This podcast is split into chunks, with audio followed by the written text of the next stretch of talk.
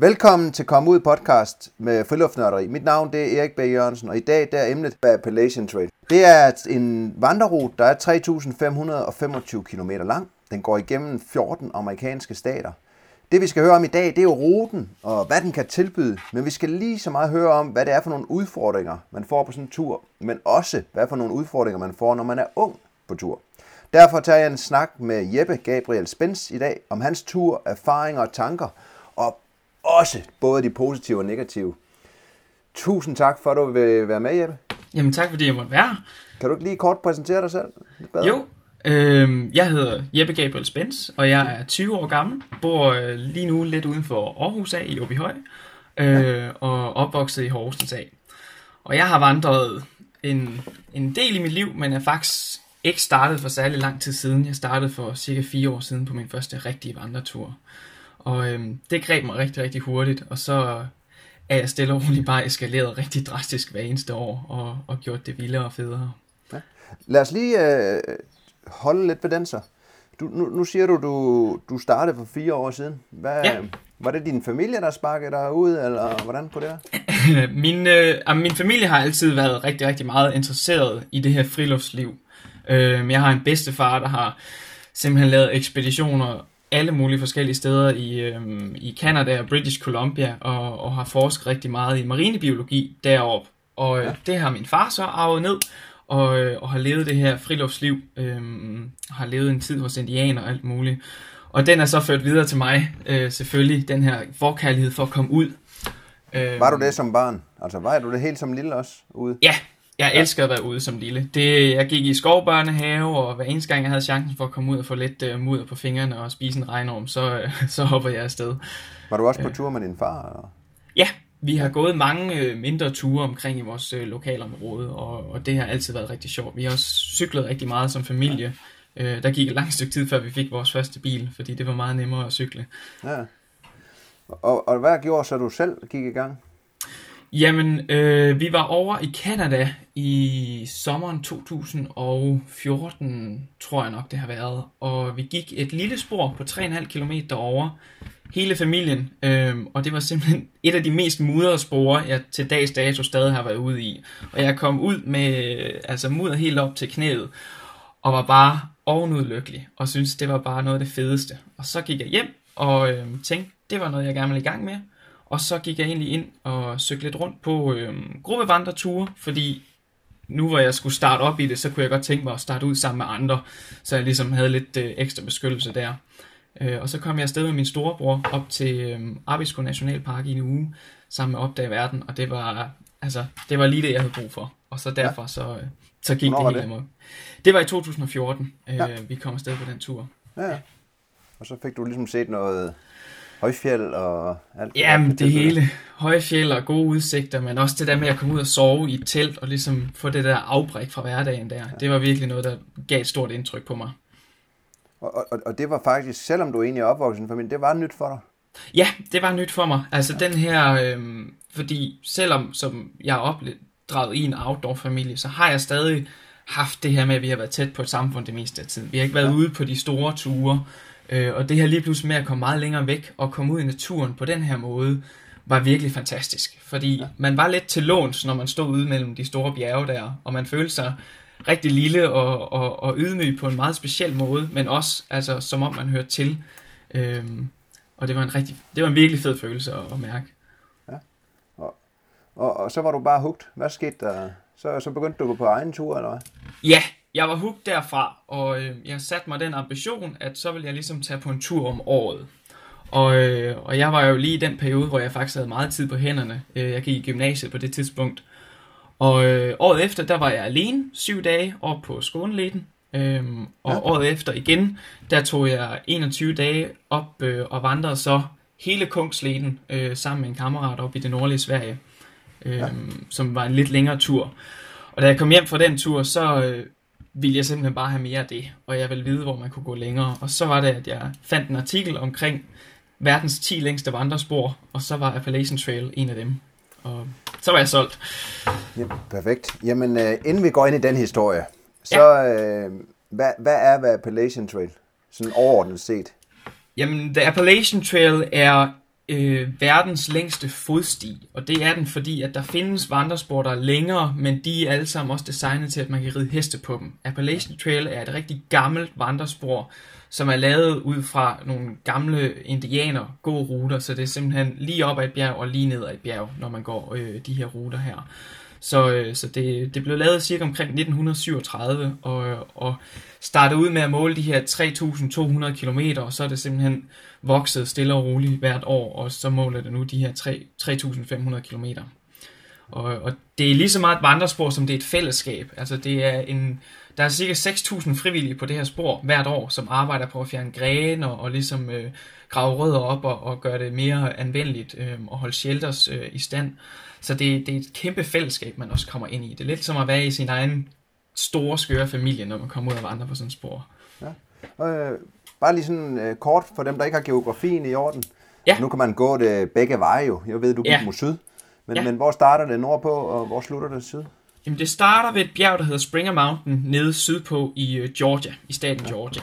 Og så går det hele vejen op, følger den, den øh, appalachiske bjergkæde øh, hele vejen op til øh, staten Maine, hvor det slutter på det bjerg, der så hedder Katarden deroppe.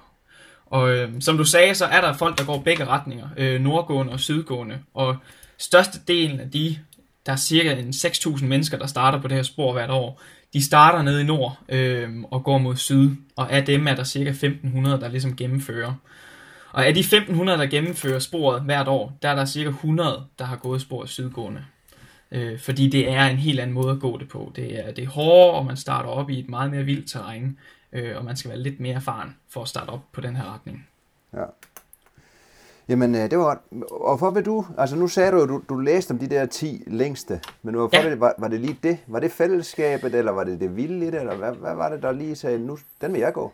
Jamen, det var, øh, der, der findes tre store spor over i USA, og, og det lå lidt mellem det her Appalachian Trail, og så det, som der er rigtig mange, der kender, Pacific Crest. Ja. Øhm, valget kom lidt ud på, at det egentlig var noget dato noget, og, øh, og så synes jeg, at Appalachian Trail var et rigtig fedt sted at starte, fordi at øh, det havde meget af det, som jeg søgte, at, øh, at det var mere fysisk udfordrende, end det var alle de her flotte bjergudsigter. Øhm, bjergudsigterne, de kommer også helt af sig selv. Dem var der masser af. Men, øh, men jeg søgte øh, nogle helt specifikke ting øh, på den tur, jeg tog. Og så synes jeg, at øh, The Appalachian Trail helt sikkert havde de ting. Hvad var tankerne, når du skulle afsted? Var det, var det helt fra starten en, en, en solotur, eller prøvede du at lokke nogen med, eller? Ja, det, var- det var, det var solotur lige fra dag i dag. Nu havde jeg været op øh, på den her tur op i øh, Sverige sammen med en, en ven i 21 dage, og det var rigtig fedt at vandre med øh, folk, og det kan jeg også godt lide. Øh, men jeg følte, at hvis jeg skulle ud på så lang en rejse, så ville jeg binde mig lidt, hvis jeg tog en anden person med.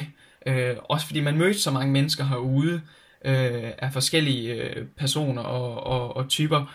Så, så jeg følte helt sikkert, at hvis jeg tog afsted alene, ville jeg opleve sporet på en helt anden måde. Øhm, og det vil også for mig være en federe rejse at se det fra mit eget perspektiv, og ikke skulle til at, at tænke på at have en anden med hele tiden fra mit eget land. Ja.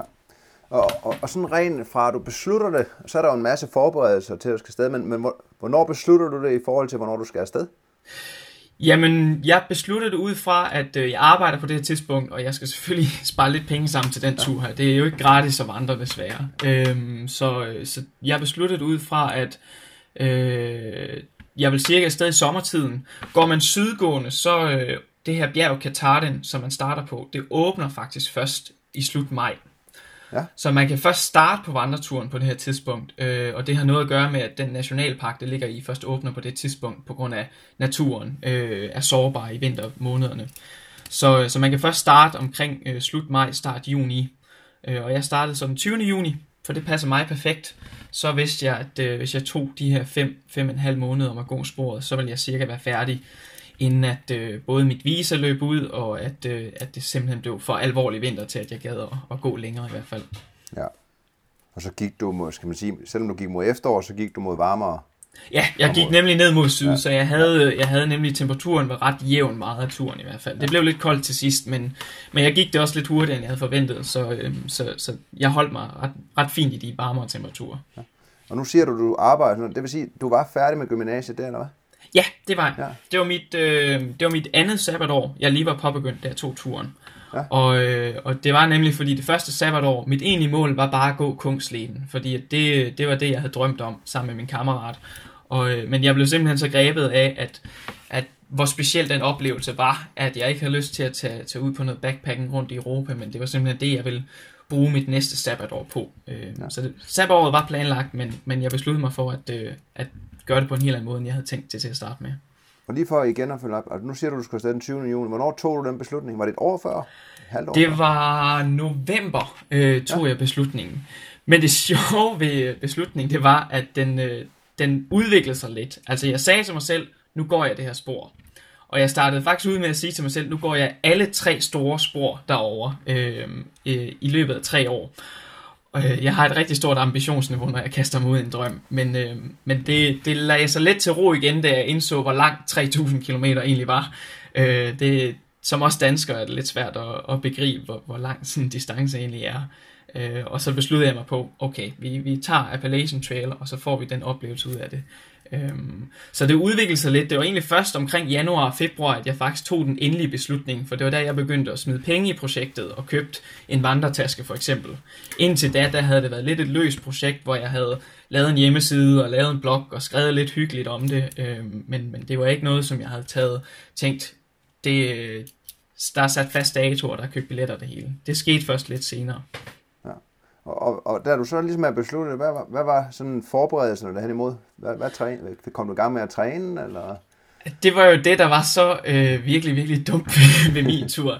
Jeg havde ikke særlig meget træning op til. Øh, jeg havde drømt om, at jeg virkelig ville få trænet, fordi at det er en lang tur. Øh, så langt som man går her, det er svært at, at forberede kroppen. Altså man kan selvfølgelig træne så meget man vil, men, men ledene og, og, øh, og altså ankler og knæ og sådan noget vil altid komme under pres på sådan en tur her, hvor du går så langt med vægt. Øh, jeg skulle helt sikkert have trænet inden. Jeg formåede også at få nogle ret øh, alvorlige skader på turen, fordi jeg ikke trænede op til. Jeg havde cirka, øh, jeg lavede noget ankeltræning øh, småt, og så gik jeg nogle enkelte prøveture med en taske på. Men i det store hele vil jeg ikke sige, at jeg trænede så meget, som jeg kunne have gjort. Øh, det jeg brugte mest tid på var at finde det helt rigtige udstyr, så jeg vidste, at jeg ikke havde så meget med, så jeg ikke behøvede at bære på så meget. Ja. Og øh, dem kommer vi også lidt tilbage til med udstyr. Det behøver ja. folk ikke at sige, hvorfor spørger han dog ikke om det. Men skal vi ikke have, have videre frem, fordi at, at, at det er jo ikke forberedelsen, som du siger, du brugte tid på. Ja, nu kommer erfaringerne, når du kommer afsted og alt muligt andet. Men, ja. men uh, lad os gå i gang med turen. Du, du tog det over den 7. juni og havde styr ja. på kort og GPS, eller sådan en GPS-spor, du havde, eller hvordan, hvordan har du Jamen, det på den? Øh, selve sporet er faktisk ret godt markeret det meste af vejen. Øh, der er sådan nogle små hvide øh, rektangler tegnet på træer og sten og sådan på hele sporet. Og øh, det jeg havde med, det var, jeg havde en øh, lille guidebog, som hedder The Appalachian Trail Guide. Øh, eller The Able Guide hedder den her så. Øh, der findes lidt forskelligt, men den her den bruger de fleste. Og det er egentlig bare en, øh, en guide, hvor der er en højdekurve, øh, som simpelthen bare er tværsnit af højdekurven, du går på. Og så er der små steder, hvor det, øh, der er markeret, her er der en vej, her er der en vandkilde, her er der et spor ned til et shelter, øh, her er der den her stenformation, som er berømt for, at det ser ud som en, et eller andet bestemt. Og sådan kunne man ligesom pejle sig afsted på turen. Jeg havde altid kompas og nødfløjt på mig, men øh, sporet var forholdsvis nemt at følge de fleste steder, uanset hvor, hvor vildt terrænet man kom ud i var. Øh, så længe man holdt sig til sporet, så kunne man faktisk finde rigtig nem vej. Ja. Så du har, du har ikke engang GPS med, det behøver du ikke? Jeg havde ikke engang GPS med, ja. øhm, og det var der faktisk overraskende mange, der ikke havde derude, øhm, fordi at det var faktisk virkelig nemt at, at følge ja. sporet.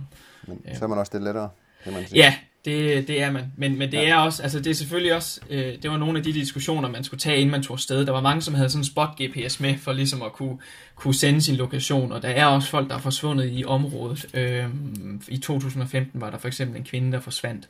Så, så det var igen, Altså, hvor, hvor tryg føler jeg mig med at navigere ud i naturen. Øhm, og jeg havde prøvet at, at have været i gang med kompas før, så jeg følte mig forholdsvis tryg øh, ved at bevæge mig ud med en guidebog og et kompas i hvert fald. Ja. Hvad så, når du lægger ud der? Nu, nu snakker du lidt om oppakningen. Altså, ja. Hvor meget, hvor meget udstyr havde du med, og, og hvor meget mad skulle du gå med i snit? Jamen, jeg havde cirka 10 kilo med i, ja. i basisvægt, så det var uden mad og vand i hvert fald. Og så droppede jeg lidt af øh, hen ad vejen, øh, men ikke så meget. Jeg havde, jeg havde ret god til at finde det rigtige udstyr fra starten af.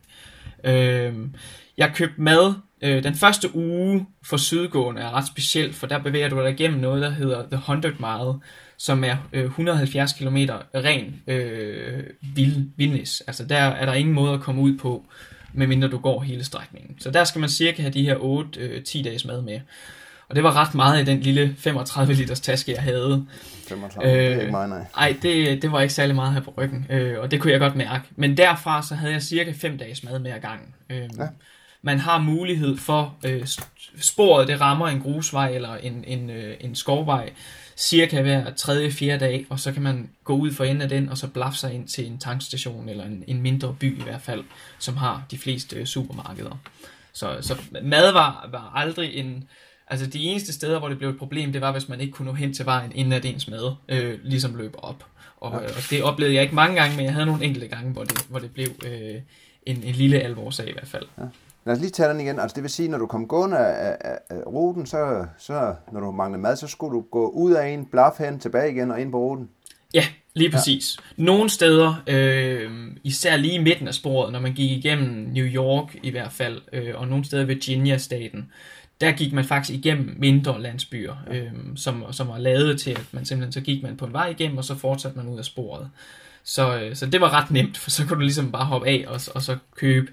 Men ellers så var det lige at blaffe sig ind øh, på de veje, som stien ligesom krydsede, og så ja. blaffe sig tilbage igen. Ja. Jamen, så man brugt, altså, du har brugt en del tid på, hvad skal man sige, at hente mad undervejs. Ja, det, det, det tog lidt tid, fordi det var svært at, at blive samlet op. Øh, man, man joker lidt med, at den eneste forskel på dem, der vandrede sporet og så hjemløse, det var vandrestavene. Ja. Øhm, og det, det var ikke engang løgn. Der var en dag, hvor jeg prøvede at blaffe uden vandrestave, hvor jeg ikke blev samlet op. Øh, og det var simpelthen fordi, at de troede, at jeg var hjemløs. Øh, man, man bliver ret beskidt derude. Men, øh, men det, det tog cirka en, en halv time til en time i hvert fald at få et lift øh, de her steder. Og så skulle man selvfølgelig hele vejen ind øh, til de byer her. Så, så der var altid lige noget administrativt arbejde at komme ind og få mad de forskellige gange, og man skulle lige øh, planlægge i, i forvejen for, at øh, man ikke slap op, inden at øh, man kunne rationere igen. Ja. Og, og, og når du så skal ud til start, nu siger du, det ligger i et øde område. Hvad, hvad med start? Hvordan kommer man der? Jamen, øh, starten, selve bjerget Katarden, der hvor jeg startede som sydgående, det ligger cirka 35 km inde i en nationalpark, øh, Baxter State Park, hvor at, øh, der var en by, som er som ligesom er startstedet eller slutstedet øh, for dem, der vandrer sporet. Og den hedder øh, Monson.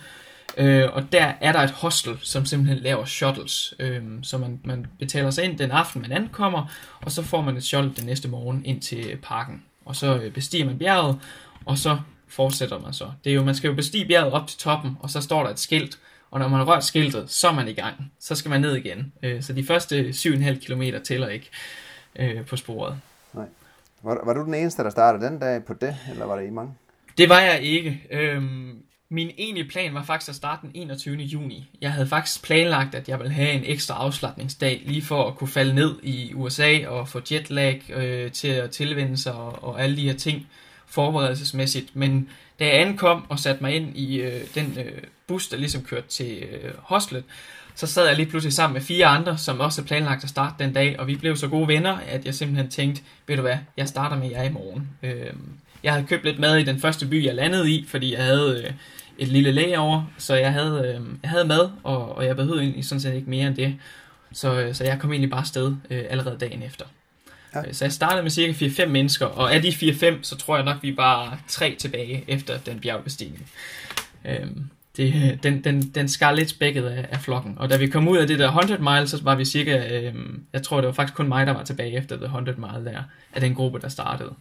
Så de stoppede? Ja, øh, det er det, der var det vilde ved at gå sydgående, det var, at der er cirka 700 mennesker, der starter, og øh, af de 700 her, der er cirka 50% af dem, de giver faktisk op inden for de første 170 km. Øh, fordi startterrænet her er simpelthen så øh, ekstremt, øh, at, at folk simpelthen ikke er forberedt på det. Øh, så, det, lyder alligevel, altså det lyder alligevel vildt, fordi ja. altså, der er jo meget information om den rute. Der er, der er rigtig meget information. Der er alt andet. Altså, så, så, hvis man virkelig har sat sig op til det, så, så overrasker det mig, at man melder fra så tidligt ja. i det. Men Sydgården, det sjove som Sydgården, det var, at folk var faktisk ret godt forberedte. Jeg snakkede med mange af de nordgårder, der kom op, som havde startet på de her dage, hvor der simpelthen bare starter 200 mennesker den samme dag. Øhm, problemet er nemlig, at der er rigtig mange, øh, der er jo lavet film om det her spor. Øh, der, er en, der er en rigtig god forfatter, Bill Bryson, der har skrevet A Walk in the Woods, som er en virkelig fed bog omkring vandresporet. Og den er der så mange amerikanere, der læser, og så tænker de, det lyder simpelthen fantastisk. Det er lige den livsændring, jeg har brug for. Så de tager og låner en taske af deres gode nabo, og så pakker de et kæmpe stor fibersovepose og en øh, natlanterne og øh, deres badetøfler, og så øh, prøver de at gå sporet. Og de holder nok de første 20 km, og så dropper de ud, fordi de indser, at det at sove i telt er lidt noget andet end en øh, fantastisk inspirerende oplevelse hver eneste aften.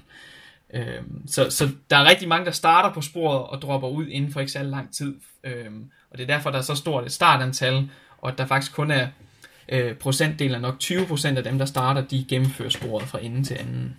Det var alligevel utroligt, når man nu ja. tænker, at der det er nemlig burde det. vide, der var 3.500 km. Ja. Ja, og det, men det er igen det der med, der, man ved simpelthen ikke, hvor langt det her det er, inden man går i gang. Altså det er virkelig, folk er slet ikke forberedt på, at det er, er sindssygt hårdt, og det er, det er vådt til tider, og det er koldt, og, og det er svedigt. Det er så mange ting, som folk ikke øh, forestiller sig, at det er. Okay. Lad, men, øh, lad os, øh, hvordan, hvordan gik starten så de første 170 km? Og det, øh, de første 170 km vil jeg nok beskrive som den værste uge i mit liv, faktisk. Øh, det var fuldstændig forfærdeligt. Øh, den her madration, jeg havde købt til at starte med, som jeg snakkede om, den øh, var ikke særlig velplanlagt. Jeg havde øh, tænkt mig at droppe noget udstyr af, Øh, og det udstyr, det var min brænder, fordi jeg tænkte, jeg ville prøve det her koncept, som hedder No Stove, hvor man simpelthen spiser kold mad og ikke har en brænder med. For jeg var lidt i tvivl om, hvordan jeg købte øh, gas til min brænder dernede, så jeg prøvede at, at undgå det her problem. Det var ikke særlig sjovt, fordi den første uge endte jeg så op med til frokost og drikke olivenolie ud fra en flaske, og så spise solsikkekerner øh, i håndfulde. Øh, og når man vandrer 30 km om dagen, så er det ikke øh, den mest øh, kalorieholdige diæt at, at komme igennem. Øh, og jeg spiste kold havregryn til morgenmad med flodvand, og så fik jeg to tortillas med peanut butter til aftensmad. Og det var det, jeg havde forestillet mig ville være super fedt at, at komme afsted med. Men øh, det, det var det ikke. Og det resulterede også i, at jeg gik de første 170 km på 5 dage, i stedet for de 8 dage, jeg havde planlagt. Fordi jeg simpelthen bare skulle ud herfra, og jeg skulle finde noget ordentligt mad. Øhm, og, og jeg, der var jetlag, og, og der, var, der var så mange myg i det her område, at der, jeg mødte folk, som simpelthen blev dehydreret, fordi de ikke kunne stoppe op og drikke vand, fordi man bare blev omsværnet af, af de her myggeskyer, der var derude. Øhm, så, så den første uge var fuldstændig forfærdelig. Det, det gik faktisk så langt som, at øh, dag 3, der satte jeg mig ned, øh, inden jeg nåede mit, øh, min overnatningsaften, øh, sted, det jeg skulle overnatte den aften, og øh, så sagde jeg til mig selv, at øh, det er ikke mig det her det, øh, det har jeg ikke lyst til. Jeg droppede faktisk ud af tre. Øh, og det synes jeg er lidt en sjov, øh, det er en lidt sjov ting til den historie, det er, at øh, selvom jeg gik alle de her 111 dage, så droppede jeg faktisk ud dag 3. Jeg gav op på, øh, på hele turen dag 3. Øhm, og det gjorde jeg, fordi at jeg var nået ud til et punkt, hvor det ikke længere var, at jeg var sulten, eller jeg var træt, eller jeg havde ondt, men mit hoved var simpelthen begyndt at komme rigtig god grund til at give op. Øh, jeg mødte rigtig mange derude, som ikke vidste, hvad de ville med deres liv, og, og stod nogle ret usikre steder økonomisk. Og jeg tænkte til mig selv, jamen, jeg har en rigtig sikker tilværelse med fantastiske forældre derhjemme i Danmark, øh, og en skole, jeg har gået på, og, og uddannelse, jeg godt kan tage. Så hvorfor er det, jeg overhovedet gør det her? Øh, det har jeg ikke brug for. Så øh, jeg sagde til mig selv, når jeg kommer ud herfra, så øh, hopper jeg på det første fly hjem, og så øh, tænker jeg, at det var det, var det for, for i år øh, med vandring. Men om aftenen, der satte jeg mig ned, fik noget mad, og det er sådan, når man er ude i naturen, når man får mad, så får man det bedre. Øh, det er ret sjovt, men det sker. Og jeg sagde til mig selv, at nu har jeg givet op, så øh, lad os se, hvor langt vi kan komme herfra. Jeg har stadigvæk tre dages vandring, før jeg kan komme ud, øh, så vi kan lige skal prøve. Så jeg lavede den regel øh, for mig selv, som hed, at hvis jeg nogensinde skulle give op igen, så skulle jeg være tør, og jeg skulle være mæt, og jeg skulle være ly. Og de tre ting skulle være opfyldt, før at jeg valgte at give op på min tur. Og hvis, øh, hvis de tre ting var opfyldt, så skulle jeg vente tre dage, før jeg måtte give op helt rigtigt. Så jeg skulle gå tre dage med den her tanke om at give op, før jeg måtte hoppe af sporet. Og øhm, humøret ændrer sig så ofte ude på, ude på sådan en vandretur. Altså følelserne er ude på tøjet, og man, man er glad den ene øjeblik, og, og øh, øh, pisse ulykkelig det andet øjeblik, og, og sur og træt, og så øh, ovenud lykkelig over en udsigt. Og det ændrer sig så ofte, at det her med at tænke i et lille splitsekund, jeg har ikke lyst til at gøre det her mere, er så ubetydeligt, hvis man prøver at holde det i tre dage.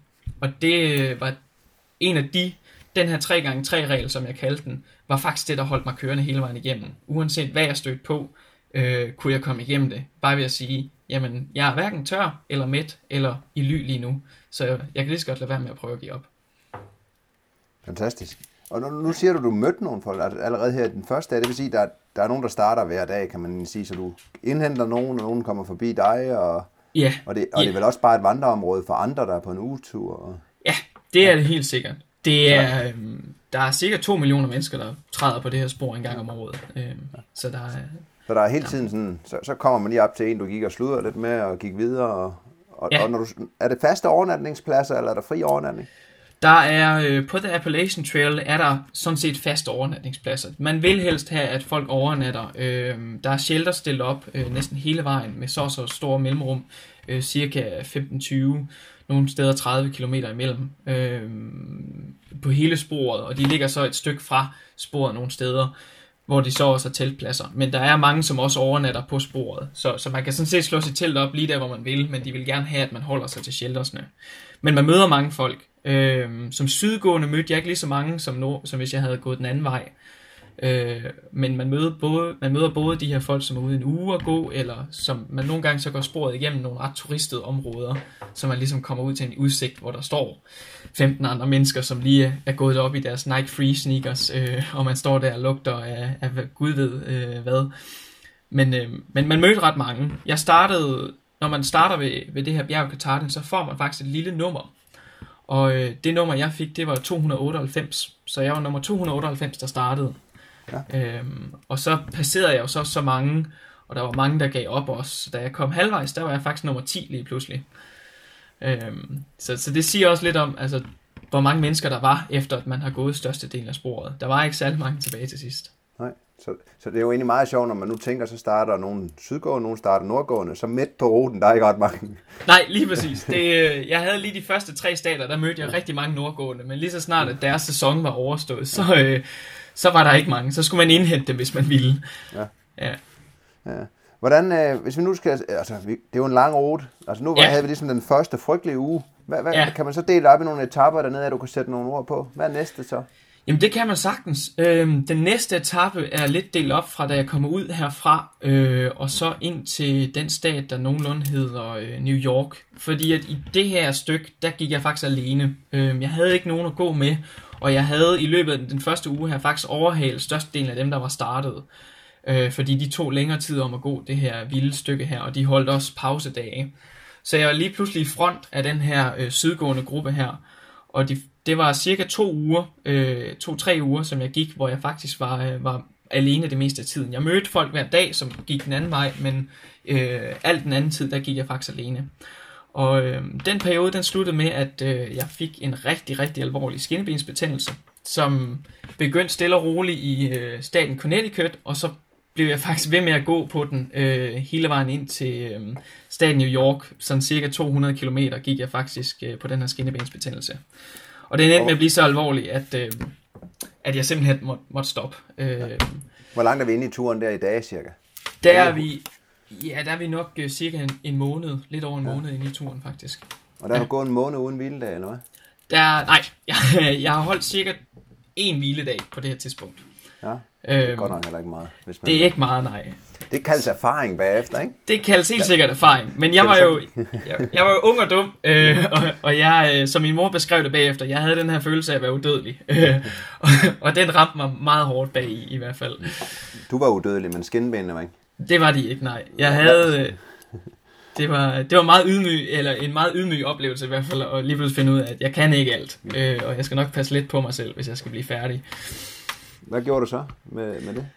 Jamen, det var jo, altså det var virkelig slemt. Det var, det, øh, den startede ud som bare en lille smerte i benet, og jeg havde jo haft ondt alle mulige steder på det tidspunkt, så jeg troede bare, det var muskelsmerte, øh, smerte, der var, den blev brugt hver dag. Øh, så jeg gik videre på det, men det blev ved med at blive mere og mere alvorligt, og til sidst så var det sådan, at jeg faktisk kunne høre, at øh, min brusk skrabede mod øh, min sene, når jeg løftede foden. Og det er lidt besværligt, når man skal gå hver dag, når man ikke kan løfte foden. Øhm, så det endte med, efter jeg blev ved med at gå på den her, og tænkte, ej, jeg skal lige lidt videre, fordi det sted, jeg var, var utrolig dyrt, og det var rigtig svært at komme ud til hostels. Så, øh, så jeg prøvede at komme ned til øh, det næste stat, Pennsylvanien, for ligesom at, at holde min pause der. Men det sluttede ud med, at jeg kunne ikke gå længere, så jeg hoppede af sporet og hoppede ind på et meget dyrt bed and breakfast hos en ældre dame, og, og var der i to dage. Øh, det var lige det, jeg havde råd til i hvert fald. Og så kom jeg afsted igen.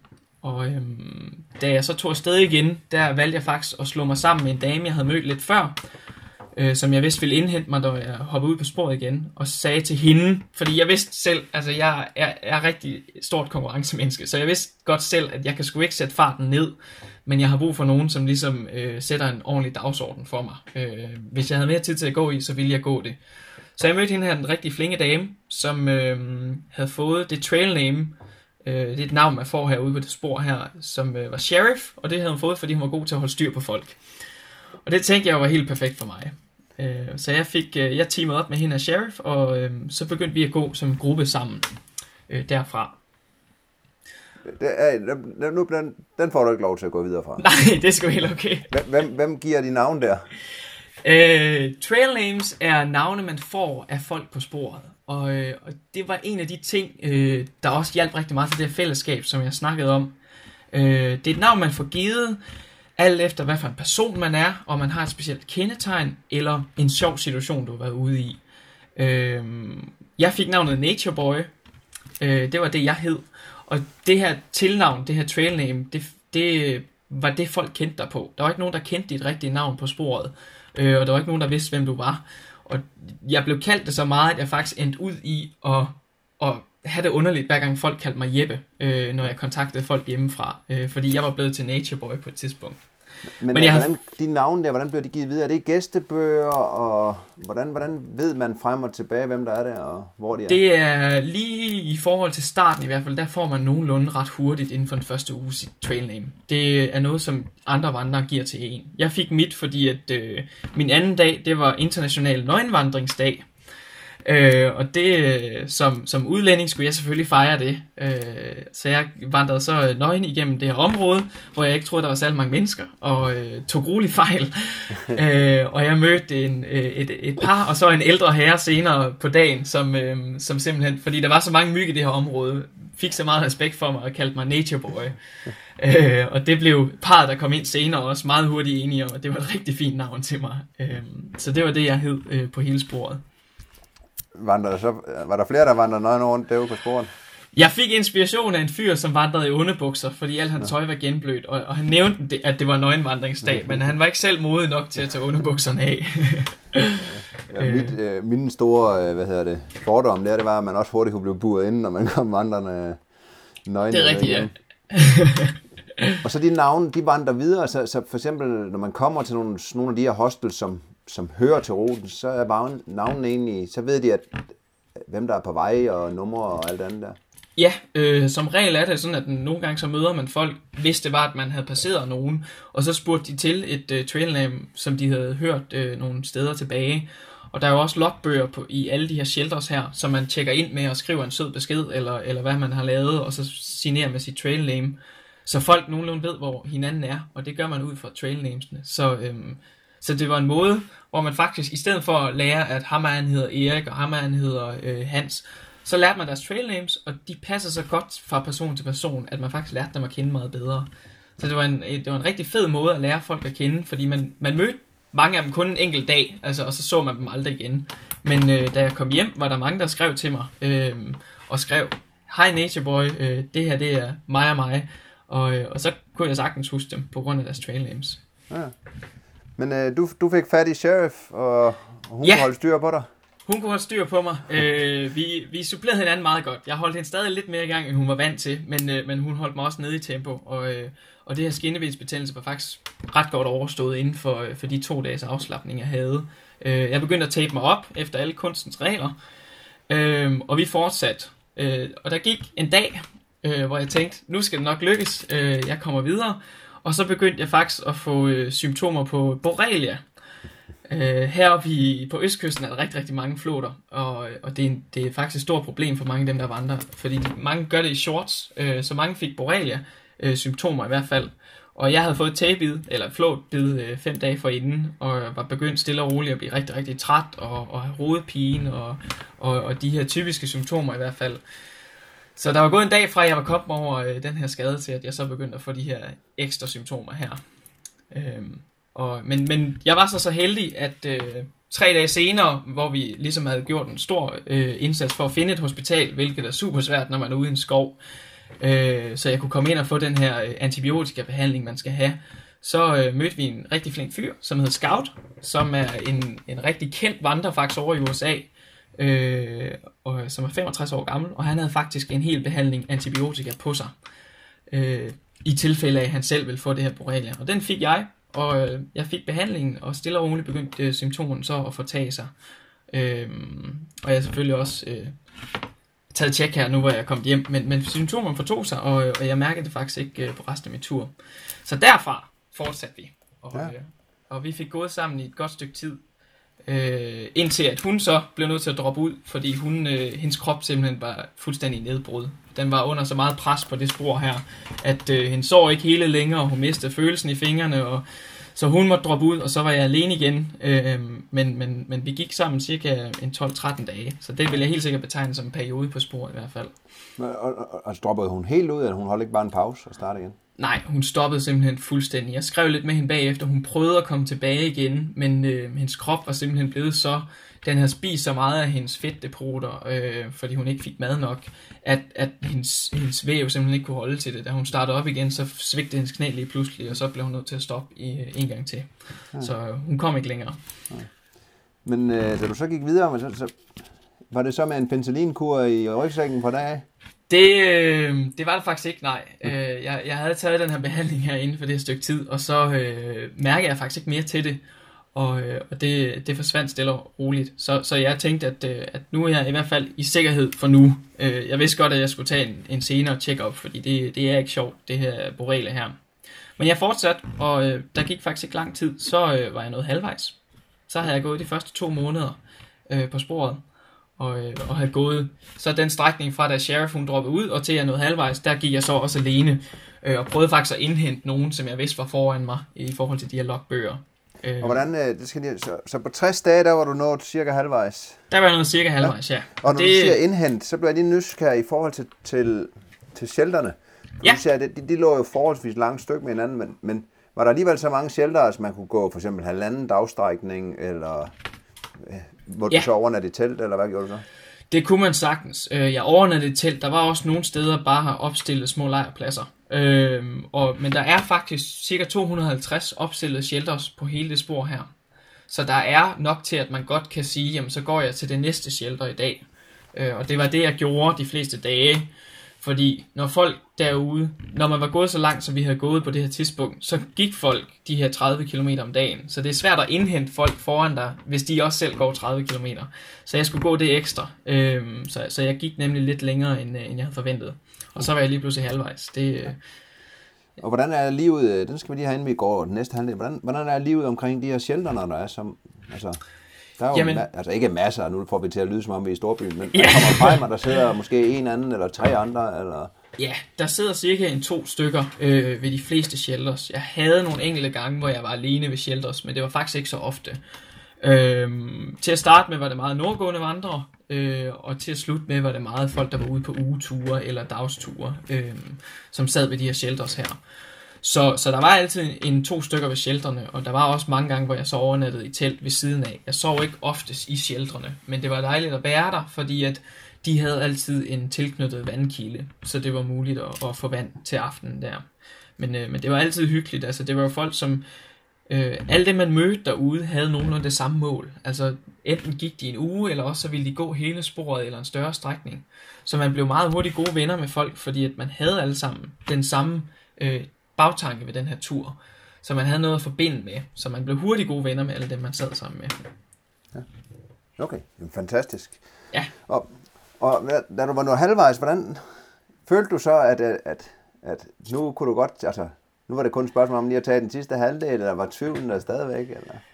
Da jeg var nået halvvejs, så, øh, så var det blevet mere et spørgsmål om tid, faktisk, tænker jeg. Øh, jeg, var, jeg havde været igennem de her rigtig, rigtig hårde perioder, og den første halvdel af sporet, når du går sydgående, er faktisk den hårdeste halvdel af sporet. Øh, de to første stater, Maine og så New Hampshire efterfølgende, er officielt udnævnt som de hårdeste stater på sporet her, fordi du i alt igennem de to stater går, hvad er det, 30.000 højdemeter øh, øh, plus, og, og bevæge dig igennem noget af det værste terræn, du kan, du kan påfinde dig i hvert fald øh, på de her store vandrespor i hvert fald.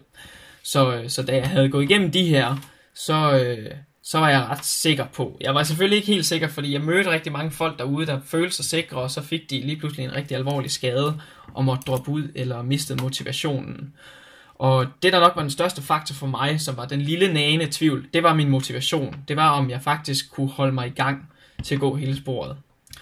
Og det gjorde også, at da jeg kom halvvejs, så lavede jeg en fuldstændig mental ændring i min indstilling til at gå det her vandrespor. Hvor jeg før havde knoklet afsted hver dag og bare tonset af med kilometer på kilometer, så begyndte jeg at, øh, at ændre mit ordsprog fra, at øh, man skal yde for at kunne nyde, til at nyde for at kunne yde. Så jeg tog den her tilgang, hvor at jeg satte øh, kilometerantallet ned, og jeg faktisk øh, snakkede mere med folk, og jeg nød området mere og holdt bedre pauser, og, og ligesom nød turen, fordi jeg vidste, at min mentalitet var ved at gå hen og blive lidt svækket. Jeg havde hjemmevæg, og, og det var hårdt derude. Øhm, så jeg tænkte, jeg kan lige så godt tage mig af mig selv, og det begyndte jeg så at gøre efter halvvejs her. Ja, og når du siger du pauser og sådan noget der, altså, inden du begyndte at tage vare af dig selv, altså, Ja. Er du så faste pauser, eller er du bare sådan en, der går, indtil du... Hov, jeg skal også lige huske at spise. jeg holdt faste pauser. Jeg havde lagt det program, at jeg, øh, når jeg, da jeg kom godt i gang efter de første tre uger, så øh, gik jeg de første fire timer af dagen, og øh, så holdt jeg en frokostpause, og så gik jeg fire timer igen, og så øh, satte jeg mig ned. Og det var, det var først efter de første tre år, jeg kunne gøre det her. Ellers så gik jeg kun de her øh, to timer, så holdt en pause, og to timer holdt en pause, og, øh, og sådan kørte jeg dagene. Men man, man endte simpelthen ud et sted, hvor at ens krop kom i så god form, efter at have gået alle de her kilometer med vægt på, at man, altså hvis det ikke var fordi solen gik ned, så kunne man være fortsat. Øhm, det var virkelig vildt at se, hvad kroppen kunne, øh, når man ligesom pressede den til den her grænse hver dag, fordi at jeg havde aldrig troet, at jeg ville kunne gå så meget gentagende dage træk, uden her at få rigtig, rigtig ondt mange steder. Ja. Og du så begynder at nyde det noget mere, altså holder du så, ja. altså når du siger holder flere pauser, begynder du så at holde timehvil, eller? Jamen så begyndte jeg, i hvert fald frokostpauserne holdt jeg øh, timepauser. Øh, de andre pauser var at sætte sig ned og så spise en energibar, lige nyde området. Hente noget vand brugte jeg også øh, tid på i løbet af dagen. Jeg var jo oppe og drikke de der cirka 6 liter, liter vand om dagen øh, på det her tidspunkt, fordi jeg forbrændte så meget. Så, øhm, så det var meget med at sætte sig ned, og fordi jeg var nået til et punkt, hvor at jeg havde været så meget ude i naturen, at det var blevet underligt for mig at komme ind til byer. Og det var blevet underligt for mig at forestille mig, at jeg skulle hjem og sove i min egen seng på et tidspunkt. Det var mere hjemmevandt at ligge i mit ligunder, på mit liggeunderlag ude midt i en skov, øh, og få vand fra en vandkilde, eller sidde øh, på jorden og spise mad. Øh, jeg var blevet så vant til at leve i naturen efter de her øh, to måneder, at det var blevet mit nye hjem. Og, øh, og det gjorde også, at jeg faktisk nogle gange blev nødt til at sætte mig ned og sige til mig selv, prøv at høre her Jeppe, prøv at kigge dig omkring, naturen er så smuk lige nu. Fordi at man, når man har været så meget ude i den, så bliver man næsten nødt til at knibe sig selv i armen en gang om dagen og, og sige, sad jeg derhjemme lige nu, havde jeg givet min højre arm for at sidde ude i det her område. Øhm, og og, og det, var, det var en af de ting, jeg i hvert fald brugte tid på. Det var faktisk at nyde mine omgivelser meget mere. Og det fik jeg rigtig meget ud af.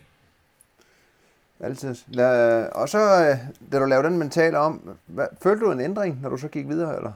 Ja, det gjorde jeg. Øh, jeg dannede gruppe sammen med tre andre øh, på cirka min alder og lidt ældre øh, som også var i gang med at vandre sporet. To af dem, de havde gået øh, den første halvdel fra syd til nord, og så var de i gang med at gå den anden halvdel fra nord til syd. Og den anden her, han var sydgående ligesom mig. Og vi dannede faktisk gruppe, og de her mennesker var rigtig gode til at nyde sporet. Altså, de tog ind til byer og, og slappede af, og, og de holdt øh, fælles frokoster, og, og da jeg så ligesom bandt mig sammen i deres gruppe, så øh, fandt jeg også lige pludselig frem til den her opskrift, hvordan nyder man også at vandre, øh, så det ikke bare kommer til at handle om kilometer. Øh, og det var en stor ting for mig, fordi jeg har været meget opsat på at gå så mange kilometer om dagen som muligt, øh, for på en eller anden måde at skulle vise. Men øh, jeg indså meget hurtigt, at det er jo min rejse, og øh, det er ikke fordi, jeg skal vise noget for nogen. Og det lærte de mig rigtig, rigtig meget. Så det er også det her med, at jeg har lært meget af dem, jeg har gået med. Øh, jeg gik med en fyr på et tidspunkt, som ikke havde et ur med sig, når han gik. Han gik bare, og når han så blev sulten, så satte han sig ned og holdt pause, og når han følte sig træt, så gik han i seng.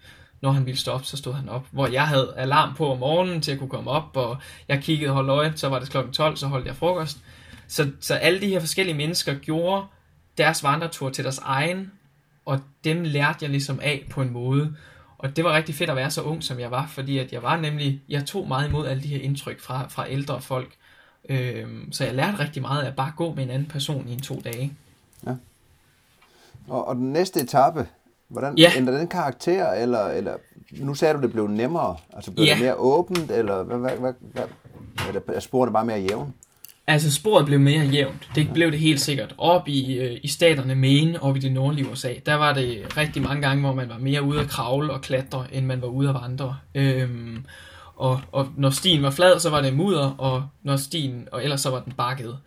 Så, så det var rigtig hårdt spor, men længere sydpå, så blev stien lækker flad, og der var stadig mange højdemeter at gå, men, men den blev meget nemmere at gå. Man skulle ikke besvære sig så meget så man kunne nyde vandreturen mere, øh, og man kunne også gå mere uden at blive lige så træt øh, og, og lige så tvær. Så, så sporet ændrer sig, terrænet ændrer sig også. Øh, det, blev, det blev meget mere, man kom ned i bjergene omkring Virginia, hvor det blev mere åbent, og man fik de her fede udsigter igen, som man havde op mod nord. Så man i meget midterdelen er rigtig meget inde i en skov. Hele sporet ligger jo i en skov, kan man sige. Så, øh, så man får ikke så mange udsigter, som man vil få andre steder. Men, men der kom flere af dem længere sydpå.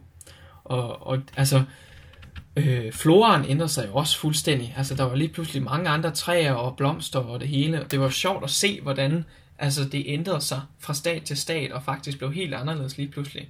Man gik både faktisk, man gik også igennem sæsoner. Jeg gik jo også fra, fra sommer til, til efterår, så jeg kunne også se lige pludselig blærene begyndte at falme, og, og der kom mere farve på naturen. Så, så, så der skete rigtig mange ting, øh, når man kom længere sydpå. Øh, terrænet blev, blev helt anderledes på turen.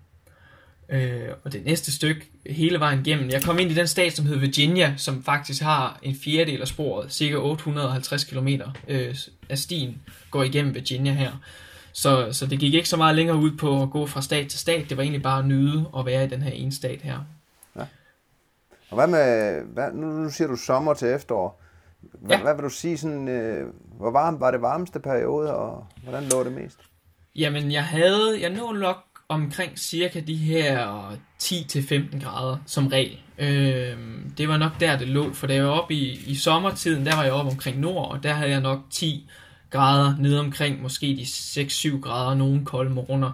Øh, og da jeg havde det varmest, der var jeg lige midt på sporet, der havde jeg nok, den varmeste dag var nok de 20 grader, øh, 20-21 grader. Øh, utrolig ubehageligt at sove i telt i, i 21 grader i en fibersovepose. Men, øh, men det var sikkert, da det var varmest, og så hen imod slutningen begyndte det at blive koldere igen. Jeg tror, den koldeste nat, jeg havde, var nok de her minus 2-3 grader om natten. Øhm, og så med selvfølgelig wind chill op i bjergene og sådan nogle ting. Så overordnet kan man sige, det er faktisk en rigtig god arbejdstemperatur. Det er ja, rigtig, rigtig, ja. ja, det var det. Der var kun få gange, hvor jeg havde alle mine varmelag på. Ja. Øhm, det, der så var specielt ved den næste del af sporet, det var noget, min, øh, min bedstefar havde advaret mig om det, inden jeg kom i gang med sporet. Øh, det er orkansæson. Der er jo nede i syden, der har de jo, når vi har efterår i Danmark, så har de orkansæson. Så det er der, hvor alle orkanerne ligesom kommer ind og rammer de her sydlige stater. Øh, og det var jeg ikke forberedt på øh, overhovedet. Jeg havde troet, at det ville være noget, som lå længere nede omkring Florida, men øh, desværre var det så også det, et af de værste orkanår i USA's historie, det år, jeg gik sporet.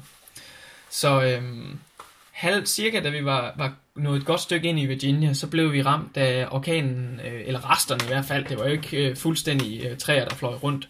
Men øh, Harvey, orkan Harvey ramte os i hvert fald øh, halvvejs igennem, og tog os ret meget med bukserne nede øh, på toppen af et bjerg. Og så fik vi også at vide, at Irma, som der sikkert er mange, der har hørt om, den, øh, den vil ramme os så ugen efter, og så vil der komme nogle enkelte orkaner. Øhm, så det var en ny ting. Det var, at der faktisk lige pludselig var så stor værskift. Og hvad gjorde det for dig? Jamen, Må du ligge over, eller? Ja, det, altså den første orkan blev vi taget så meget af, at vi også blev nødt til at hoppe som en nød, øh, nødsituation. Vi blev nødt til at hoppe ind til den nærmeste by. Øh, vi øh, kaldte en, øh, en nød øh, shuttle fra, fra en af de hostels her, fordi at den ene pige, vi så gik med, hun var ved at, at få hypotermi den her dag, fordi hun simpelthen slet ikke havde været forberedt på det her temperaturskift. Øh, så vi måtte hoppe ind, og så øh, begyndte vi så at læse op på de her orkaner, og hvornår de vil ramme, og hvor hårdt de vil ramme, og hvor. og vi begyndte så at lægge planer, og det gjorde også, at gruppen skilte sig, fordi at den ene gruppe ville gerne blive, hvor de var, og, og jeg ville så gerne gå lidt øh, længere til en lidt mere sikker by, og så sidde orkanen ud der. Øh, så, så vi deler os op i to og to, og, og splittet op der. Øh, og jeg fortsatte så sammen med en af dem fra gruppen øh, videre, og ugen efter så ramte Irma så. Og, øh, og det var... Det var ikke det perfekte tidspunkt, den ramte. Den ramte en dag før, vi havde regnet med, at den ville ramme. Øh, og det, det var igen ret øh, alvorligt, fordi jeg befandt mig, vi havde lige splittet op, os to, der gik sammen øh, den ene aften, fordi han ikke havde nået at indhente mig. Så jeg lå faktisk i et shelter helt alene øh, tidlig morgen, da jeg kigger ud, og der er lige pludselig en kæmpe gren, der rammer toppen af shelteret, og, og vækker mig i hvert fald. Og, og jeg kigger ud, og jeg kan se, at øh, vandet er næsten nået hele vejen ind i det her shelter, jeg har ligget i, og grenene flyver rundt udenfor, og jeg ved, at jeg ikke har mad nok til at blive her i hvert fald. Så, øh, så det var igen, det var i hvert fald en af de, de mest øh, ekstreme situationer, jeg var ude i på sporet. Det var den her dag med Irma. Men må du gå videre den dag så, i det der? Jeg, jeg blev nødt til at gå videre, ja. Øh, og det var også det her med, øh, der var mange historier om folk herude i orkansæsonerne, hvor man sad inde i shelter en dag, fordi det er jo uden skov, og det er jo en af de farligste steder at være. Øh, og så var der simpelthen et træ, der var væltet ned på shelteret, øh, og faktisk havde dræbt det par, der sad derinde. Og, øh, og så jeg havde, jeg sagde til mig selv, at jeg vil hellere ud og gå i et område, hvor jeg, hvor jeg ligesom kunne orientere mig, og, og vidste, hvor området var, og hvor jeg eventuelt kunne komme til en vej og komme ud af skoven, øh, end jeg ville sidde inde og kunne i et shelter, som teknisk set næsten kunne ende op med at være en dødsfælde. Øh, så jeg kom ud, og jeg gik øh, den her dag de 28 km, og endte ind på et hostel. Øh, og det, det var voldsomt vejr, men det var ikke sådan, at jeg var decideret bange for mit eget liv på et tidspunkt. Øh, det, var, det var til at håndtere i hvert fald. Ja. Og, og hvad så den sidste del? Ned til, så holdt orkanerne op så? Ja, altså de holdt op i hvert fald for en periode, øh, en stor periode, hvor vi så havde solskin igen, og vejret var rigtig lækkert. Og så øh, den sidste del, den gik meget flydende. Mig og ham, jeg gik så med, vi, øh, vi fandt hurtigt ud af, at vi også... Man nåede et punkt herude, hvor man så også ramte øh, den her mur, hvor man tænkte, okay, nu er jeg også ved at nå det punkt, hvor jeg også gerne vil være færdig med at ja. gå. Øh, når man, man har været ude og... hus, ikke? Altså, ja, lige man præcis. Man er også i tvivl, om man om man overhovedet det... kan nå det igennem, ja. ja. Altså efter cirka 85 dage alene, øh, begyndte jeg stille og roligt at mærke den her iver for, at okay, nu vil jeg også gerne være færdig. Øh, så vi begyndte at gå lidt længere hver dag, og, og vi, øh, vi kom ret hurtigt ned til, til der, hvor øh, sporet begyndte at slutte, og kom ind i vores sidste stat, Georgia. Og øh, så ramte den sidste orkan, der vil ramme os, øh, den ramte faktisk øh, den aller sidste dag på mit spor, orkanen Nate. Øh, og så det var en rigtig, rigtig fed måde at afslutte sporet på. Øh, jeg var, vi havde gået dagen før, og, og temperaturen var faldet, som den gjorde normalt ved orkaner, og det var blevet tåget, og det regnede lidt. Så vi vidste godt, hvad det var tid til nu her. Øh, og vi fik snakket lidt med de lokale, og de fik hurtigt fortalt os, at okay, der rammer en orkan i morgen. Øh, så vi kom hen til det sidste shelter, cirka 26 km fra toppen af Springer Mountain, og pakkede os ind sammen med alle de andre. Vi var en masse mennesker i det her shelter den aften. Øh, og næste morgen stod vi op, og rigtig nok, det blæste, og grenen fløj rundt, og det regnede, og, og var ret vildt udenfor. Og, øh, men øh, jeg har et rigtig fint billede af mig, der står og bare store smiler foran øh, alle de andre, selvom det ikke ser ud til at være et smilevejr. Øh, og vi kommer afsted, og vi får simpelthen vandret det her, fordi at vi var så tæt på, at øh, der, der, skulle ikke en, øh, der skulle ikke en orkan til at, til at stoppe os i hvert fald. Og, øh, og vi, øh, vi kommer op på toppen af bjerget og afslutter her den, øh, det var den 8. oktober, vi blev færdige.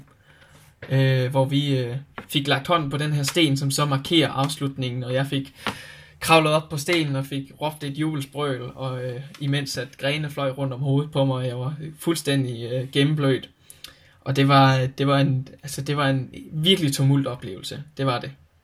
Øh, det var, øh, jeg, jeg kan ikke helt rigtig beskrive de følelser, der løb igennem kroppen, fordi det var, altså det var 111 dage, hvor man egentlig har, har haft det her mål i hovedet, og lige pludselig står man her så og, og, og afslutter. Og det, øh, det var en meget bræt ende på, ja. på hele det her eventyr. Det var det helt sikkert. Var du glad? Jeg var rigtig glad. Det, øh, det var jeg. Jeg var, øh, udover at både være ung og have gået det her spor, så var jeg også den første dansker til faktisk at gennemføre det. Hvilket som 20-årig var altså fuldstændig ubeskriveligt at kunne være i stand til at gøre sådan noget. Og den øh, første til at gennemføre hele sporet, eller i sydgående? Den første registrerede dansker til at gennemføre sydgående i hvert fald. Nå, sydgående, ja. Der er ja, en, sydgående. der har gået den nordgående før, eller hvad? Der er folk, der har gået den nordgående før, ja. Ved du, hvor mange? Øhm, og jeg tror, vi ligger omkring 5-6 stykker i hvert fald. Øh, jeg ved i hvert fald, der er cirka to i gang i år. Øh, Jamen, jeg tænker før dig. Den anden før, mig, før mig, der tror jeg nok, der er 5-6 stykker, der er gået 5-6 stykker, og så kom ja. du sydgående, og så er der nogle andre i gang. Nordgående ja. også. Ja, det var jeg. Okay. Øh, ja. Der var en anden fyr, der havde prøvet sydgående før, men han måtte stoppe øh, efter et godt stykke, fordi hans knæ simpelthen gav op. Øh, ja. Men han kom også rigtig langt. Så det man var ellers, altså... Man skulle ellers tro, når jeg nu hører dig fortælle, at, at når man starter med det hårde først, det er selvfølgelig en bræt op, og hvis man kommer igennem det, skulle man tro, det så var nemmere, hvor nogle af dem, der kommer ned fra, får en ordentlig en oplevelse til sidst. Ja, men det, det, og det skulle man også tro, men ja. det er det her med, at man simpelthen bare går så langt, og kroppen, man har ingen idé om, hvordan kroppen reagerer på det. Øh, så de fleste af dem, der ikke gav op inden for de første to uger, vi sagde, at når man klarer de første to uger, så var man sådan set sikret til næsten at kunne gå resten af sporet. Men det var først efter cirka 2.000 km, at de næste folk begyndte at droppe ud. Ja. Og det var mangel på motivation og skader og sådan nogle ting, der ligesom gjorde det. Ja. Øhm, så der var ligesom to steder, hvor folk stille og roligt droppede af. Ja. Og, og det var de to steder. Og, og når man så er færdig, så, så hvor langt er der så ned til en by? Altså, skal man så gå 20 km for at gå ud også? Der er et øh, spor, der hedder øh, The Approach Trail, som er ligesom det her spor, man går op til toppen af Springer Mountain øh, på cirka 12 km. Øh, vi var så så heldige, at en kilometer fra det her øh, toppen her, der ligger der faktisk en parkeringsplads. Og øh, ham jeg gik sammen med, hans forældre var kommet op for at hente ham den dag. Og jeg havde planlagt, at jeg ville gå det her start-up spor, fordi det, det er teknisk set ikke en del af hele ruten, men jeg synes, det var en fin måde at afslutte på. Men vi vurderede meget hurtigt, at vi var fuldstændig gennemblødte, og vi var godt trætte, og der var stadig de her 12 km tilbage. Så, øh, så vi sagde ja tak til at få et lift ned til, øh, til den her, øh, hvad hedder nu, der er sådan en park, øh, resort-agtig, øh, ude i udkanten af den her nationalpark. Ja. Så vi fik nu, et lift derud. Ja. Nu, nu sagde du lige, at du var glad, men, men, men, men altså, hvis jeg skal tage min egen erfaring, jeg, jeg er sjældent glad, når jeg slutter, fordi at det er noget, jeg har stræbt efter, og jeg mister jo også det, jeg har været ude i, som man blev min hverdag, og ja. hvordan, hvordan følte du så, når du kom ind? Altså, var Jamen, der glæde, var... men var du også så modig, eller... Jamen, og det, det er helt rigtigt, fordi jeg var glad lige da jeg blev færdig, øh, men lige så snart vi satte os ind i bilen, og vi kørte hen til det her hostel, og jeg kom ind, og jeg lige pludselig stod der i mit øh, ildelukkende vandretøj, og så alle de her normale mennesker, og vi satte os ned og fik aftensmad buffet, og jeg sov i en rigtig seng den nat, så var jeg lige pludselig fra den ene af til den anden blevet Jeppe igen. Det var jeg ikke glad for. Det var et, et rigtig, rigtig hurtigt skift, og det var som at tage en utrolig lang, fantastisk rejse, og så bare sige hak ud for enden, og stoppe det fra, den, fra det ene sekund til den anden. Øhm, og det brugte jeg rigtig lang tid på at komme igen fra. Jeg var, jeg var, det, var en, det var ikke den fedeste oplevelse at være færdig med det, fordi man indså lidt pludselig, at, at man havde vendet sig så meget, som du siger, til at leve det her liv ude i naturen. Og, og den her frihed, der var med at man kan pakke alt ned og lægge det i sin taske, og så skal man egentlig ikke bekymre sig om at komme tilbage til det sted, og man kan bevæge sig lige derhen, hvor man vil. Den frihed, der lå i det, det, øh, det er noget, jeg stadig til den, den dag i dag øh, rigtig, rigtig meget savner. Det var virkelig øh, en helt anden følelse at have. Øh, og det, det mærker jeg meget hurtigt, at det kom jeg til at mangle. Øh, så, så det var helt sikkert noget, jeg savnede. Jeg var, jeg, var, jeg var glad allerførst og lykkelig over, at jeg gennemført, og lige bagefter så ramte det så, at øh, jeg kommer altså ikke ud på det her spor Nej. igen. Jeg har det lidt modsat. Jeg er ikke glad der, men så går der en uge eller to, så bliver jeg, sådan, så bliver jeg klar over, hvad jeg har lavet, og så, og så ja. bliver jeg stolt af præstationen, ikke? Og ja. ligesom får det hele. Ja. Jeg har lige nogle, sådan nogle, nogle små spørgsmål til turen her også. Øh, når man er derude, hvad med telefondækning? Øh, var der telefondækning meget af turen, eller? Der var øh, faktisk forholdsvis god telefondækning. Ja, det, er, det der er de fleste øh, Det er der nemlig deroppe.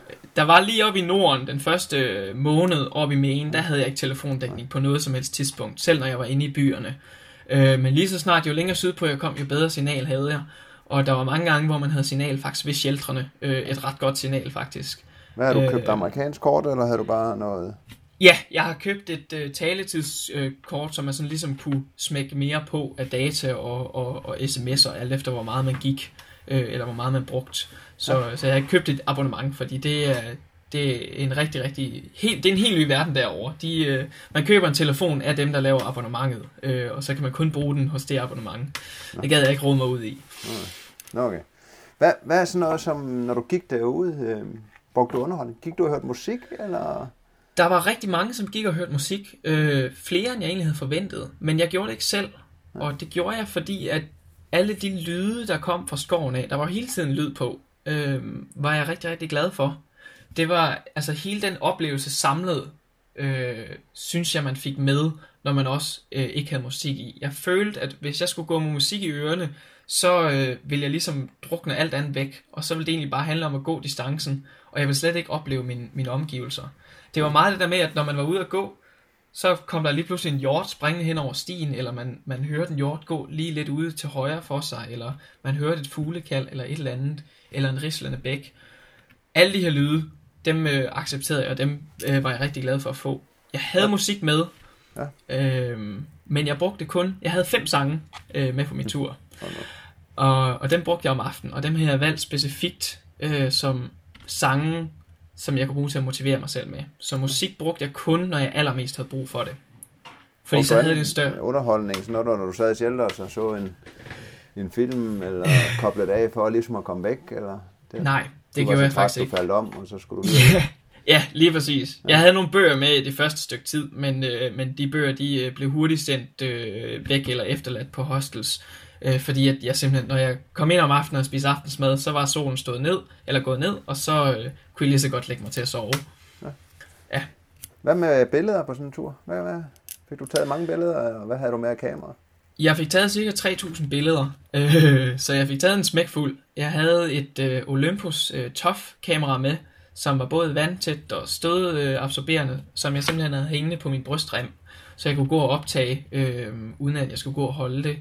Og det brugte jeg hele tiden. Det var rigtig, rigtig fikst at have det hængende der, og at, jeg ikke skulle til at pakke det væk, når det regnede og det hele. Så sådan en fin lille sag havde jeg i hvert fald med. Ja. For det er typisk det, når man kommer hjem så op, der man, øh, at der mange hører, jeg, at de har taget for lidt billeder, ikke? Ja. Man ikke har været aktiv nok, og man har ikke fået taget hverdagssituationer og ja. små... Men, øh, det lærer den man. Er, det lærer man. Den, ja. er, den gruppe hører jeg nok også ind under. Øh, jeg tror ikke, man kan komme hjem uden at fortryde at taget billeder mere. Der er altid en situation, man mangler. Ja, lige præcis. Ja. Lige præcis. Det er der helt sikkert. Altså, sådan nogle helt daglags ting, hvor man kommer... Altså, hvorfor har jeg ikke taget, at det er mad eller et eller andet, ikke? Ja, jamen ja, nemlig. Altså, og, og bjergudsigter er der nok af på sådan en vandretur ja. der, så, så det er jo det ikke det, der er det spændende. Ja. Det skal man nok få taget, lige ja. præcis. Hvad med dyr undervejs? Med... Jamen, øh, det spørgsmål, jeg har fået mange gange, når jeg har været ude og holde foredrag omkring min tur, det er bjørne. Øh, det er nok det, der er den største frygt øh, for folk, som skal derover frygt? gå. Men, er det ikke et ønske? jo, altså, jo, det er forskelligt fra menneske til menneske åbenbart. Der er nogen, der ønsker at se bjørne. Jeg ønsker at se bjørne. Øh, sorte bjørn er de bjørn, man har over på, på Appalachian Trail. Og øh, de er mere bange for mennesker, end de er for, øh, for, for end vi er for dem. Øh, der er mange, som tænker grizzlybjørne, når de tænker bjørne derovre, og det er mere Alaska, der hvor du for eksempel har været ude at gå, øh, eller over på vestkysten. Sorte bjørne er ikke så farlige, medmindre man virkelig altså, kommer tæt på dem, mens de er unger, eller man generer dem, altså medmindre man rigtig selv gør noget dumt. Og, og jeg så et par derude, jeg så cirka fire sorte bjørne, øh, jeg mødte mange, der havde set mange flere, men det var som regel unger, jeg havde set krydsbordet eller lidt længere væk i skoven, og så var det jo bare bakket lidt væk. Så det var ikke det, jeg frygtede mest. Det, jeg var allermest bange for, var klapperslanger og elge. Øhm, klapperslanger mest, fordi de lå på sporet og solede sig. Det var lidt mange de eneste steder, hvor de kunne få sol, så de lå oftest lige midt på sporet. Øh, og man kunne ikke se dem så godt, fordi de lå og gemte sig. Så jeg har før været ved at træde på en klapperslange, og så får man lige den der raslen der med halen. Øh, men elge var nok en af mine største frygte, fordi elge er nogle enorme dyr. Øh, de er jo altså de er jo højere end mig i skulderhøjden, og de øh, vejer det samme som kampvogn, og de er jo skræmmende, hvis de, hvis de har unger med. Og, og jeg havde en enkelt situation op i Vermont, hvor jeg faktisk kom gående på sporet, og lige pludselig så er der en kæmpe hundel, der kommer springende frem, altså fra en afstand på min venstre side, så jeg faktisk kunne rakt ud og rørt ved den. Og den springer lidt frem på sporet, og så står den der, og så kommer dens unge selvfølgelig frem fra buskaget også. Og jeg tænker bare, åh oh nej, øh, jeg har to vandrestave, og det er lidt det, jeg har at gøre godt med, og jeg er selv en kampvægt på omkring de 69 kilo på det tidspunkt, så der er ikke meget at forsvare sig med. Men øh, den stiger lidt doven på mig, og jeg får så klappet vandrestavene og får, får råbt lidt højt og, og får den så genet væk fra mig. Men det, øh, det var nok det tætteste, øh, jeg havde øh, i forhold til de store dyr. Der var æren over det hele, og der var mus rigtig mange steder, og, og sådan nogle ting, som man simpelthen så hele tiden. Hjorte, de, øh, de var næsten fuldstændig ligeglade med dig. De, øh, de gik frem og tilbage øh, på sporet. Og der var en enkelt sted, hvor der var vilde heste. Øh, der var en nationalpark, hvor man faktisk kommer op i, i et højde plateau, og så går man derop, øh, og så er der faktisk heste i det her område. Vilde heste, som er sluppet fri, som simpelthen går og lever deroppe. Så det var også en rigtig sjov oplevelse, øh, at lige pludselig se heste. Så overordnet, synes du, der var mange dyr, eller var det få dyr egentlig, når du tænker over det? Der var rigtig mange dyr. Altså, det var ikke en, en kæmpe stor spektrum af forskellige dyr, men, øh, men man så rigtig, rigtig mange dyr. Jeg så mange sådan nogle øh, helt uskadelige slanger, som de var hele vejen igennem sporet, og ændrede også udseende alt efter, hvor man var henne, øh, nord og syd. Og jeg så æren over det hele. Æren, de, ja. var, de var der. de skal også altid ud og kaste med grænkogler. Og ja, ja, lige præcis. De, de er jo skræmmende små nogen. Ja. Perfekt. Jamen, hvis vi lige skal vende tilbage til det her med at, at tage på sådan en rejse som, som 20-årig. Ja. Øhm, når du kigger tilbage på det, ja. hvordan var du klar til det? Øh, hvad, hvad vil du gøre anderledes, hvis du skulle give dig selv et råd, eller en anden en et råd, der skulle afsted? Jamen, hvis jeg skulle give et råd til en, som skulle tage afsted, så er det øh, at hoppe ud i det. Og det er nok det råd, jeg kan give, fordi at det er mm. forskelligt fra person til person. Men jeg husker i hvert fald selv, dagen inden jeg tog afsted, jeg har altid været meget god til at styre på ting, og planlagt dem, og, og have rigtig, rigtig godt styr på, hvor jeg skal hen, og hvad jeg skal. Men det her vandrespor var så langt, at jeg kun kunne planlægge den første uge af min gåtur, og så måtte jeg ligesom planlægge frem efter der.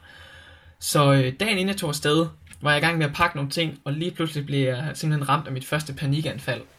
Jeg får øh, det, min, mit luftrør snører sig sammen, og jeg får øh, høj hjertebanken, og jeg kan simpelthen slet ikke, jeg taber alt, skynder mig ud i haven og ned på i skrædderstilling og skal trække vejret lidt.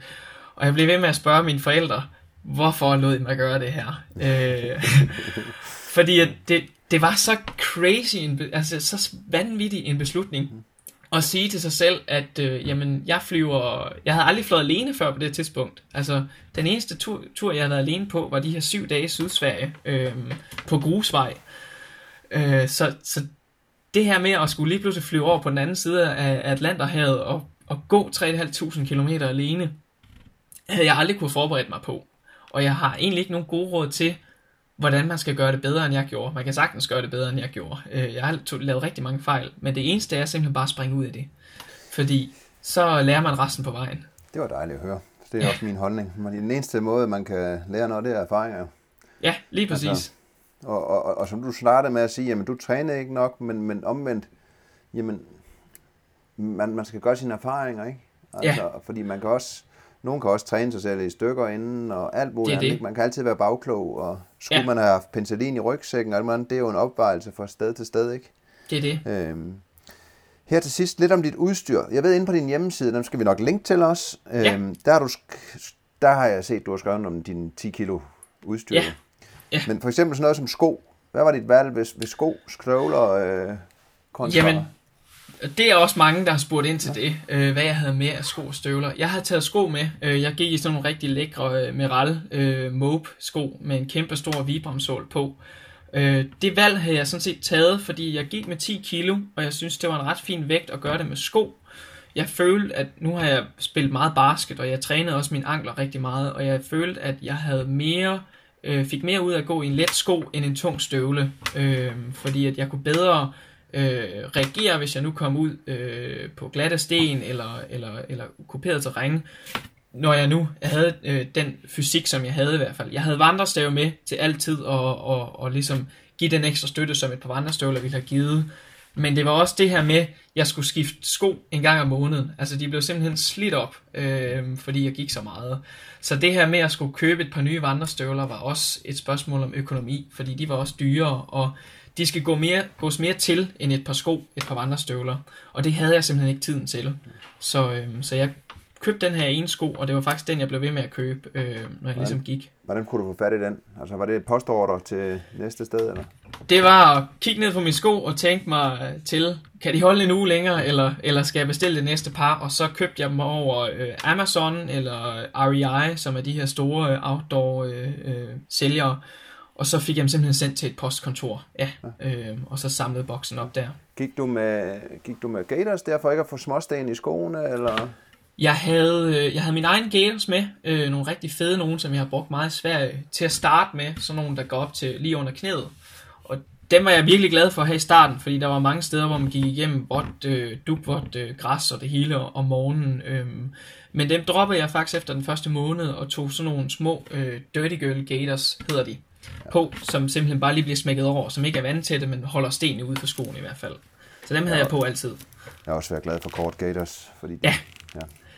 Jeg lukker lige af. Men jeg går primært i støvler, og det er derfor, det altid er sjovt at høre, ikke? Men, men Ja. man går, har også primært gået i mere uvejsomt terræn, så jeg kan godt forstå beslutningen, når man, man skal er spare, hvor man det. kan, ikke? Og, Men det var og også, jeg har også gået meget i støvler, altså det har jeg også. Øh, det var første gang, jeg var ude på en længere vandretur i sko, øh, så det var, det var også helt nyt for mig.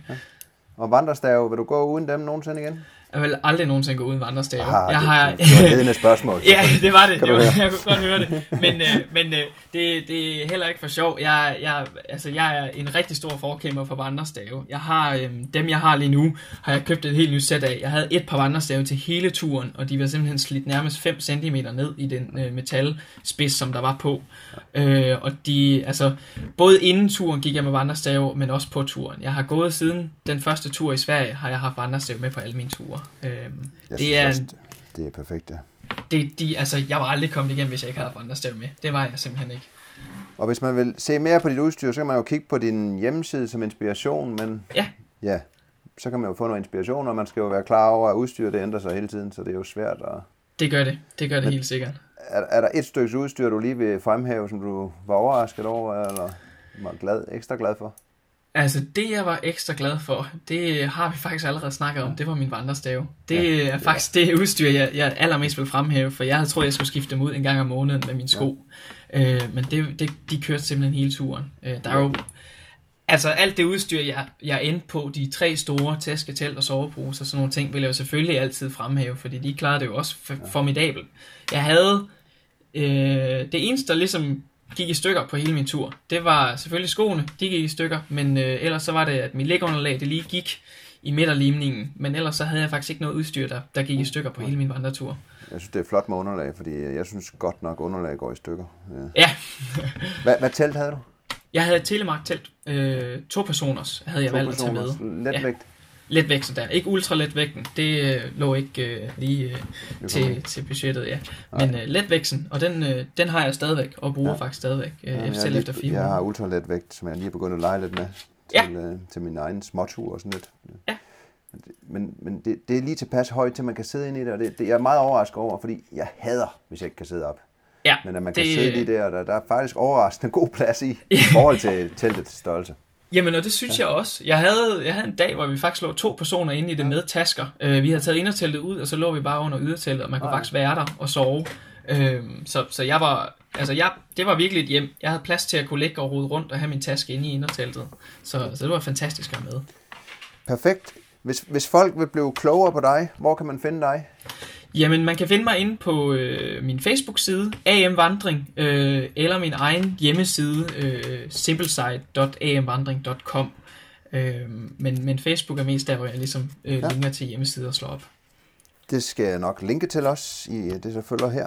Og jeg linker også, du sendte mig en fin dokumentar Ja, om, om Ja, sport. Og så øh, kan folk jo altid søge videre ud af. Øh, Det skal de jeg, være. jeg ved også, du holder lidt foredrag nogle få gange. Med, ja. Jeg- er der, hvor kan man se dem? Hvis man... Jamen, øh, jeg har det her Friheden i 35 liter øh, foredrag, som øh, jeg simpelthen kører rundt på øh, lidt freelance, og det, øh, det har været et par gange i eventyrsportbutikkerne, og jeg satser også på, at det kommer mere ud i hvert fald. Ja. Ja. Øh, jeg er i gang med at snakke lidt rundt og se, om der er nogen, der i hvert fald gerne vil have mig forbi. Og det slår op på din Facebook-side, hvis der er noget. Ja, det gør det. Perfekt. Her til allersidst, er der noget, jeg ikke har spurgt dig om, som du tænker, det skal jeg have med? Jamen, øh, hvorfor jeg helt specifikt valgte at gå sporet? Ja. Øh, det øh, var grunden til, grunden til, at jeg valgte at gå det her spor, det var fordi, at jeg var et sted, hvor jeg lige var blevet færdig med gymnasiet, og i løbet af ens liv går man igennem alle de her forskellige skift. Øh, man er færdig med et arbejde, eller man er færdig med en uddannelse, øh, hvor man lige pludselig står på bar bund og tænker, hvad gør jeg nu? Hvad skal jeg nu? Og jeg var lige blevet færdig med folkeskole og gymnasie, og jeg skulle faktisk til at tage et ret seriøst valg om min fremtid. Hvad for en uddannelse vil jeg tage, eller hvad vil jeg lave øh, med mit liv? Og øh, da jeg stod i den situation, indså jeg, at jeg ikke var helt sikker på, eller helt klar over, hvem jeg egentlig selv var. Altså hvem jeg i bund og grund var. Øh, hvad for nogle prioriteringer jeg helt havde, når det virkelig alt blev skrællet væk. Og det var også derfor, jeg valgte at gøre det her, og ikke tage på en backpacking-rejse til Asien med en kammerat, eller, eller de ting, som, som vi unge nu, nu til dags gør rigtig, rigtig meget i.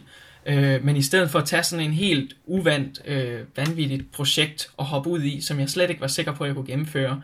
Fordi jeg ville pakke alt ned i en lille taske, øh, og alt skulle kun handle om den her lille taske. Og på den måde, ved at kode det hele ned på det essentielle, så ligesom finde ud af, jamen, hvem er jeg så?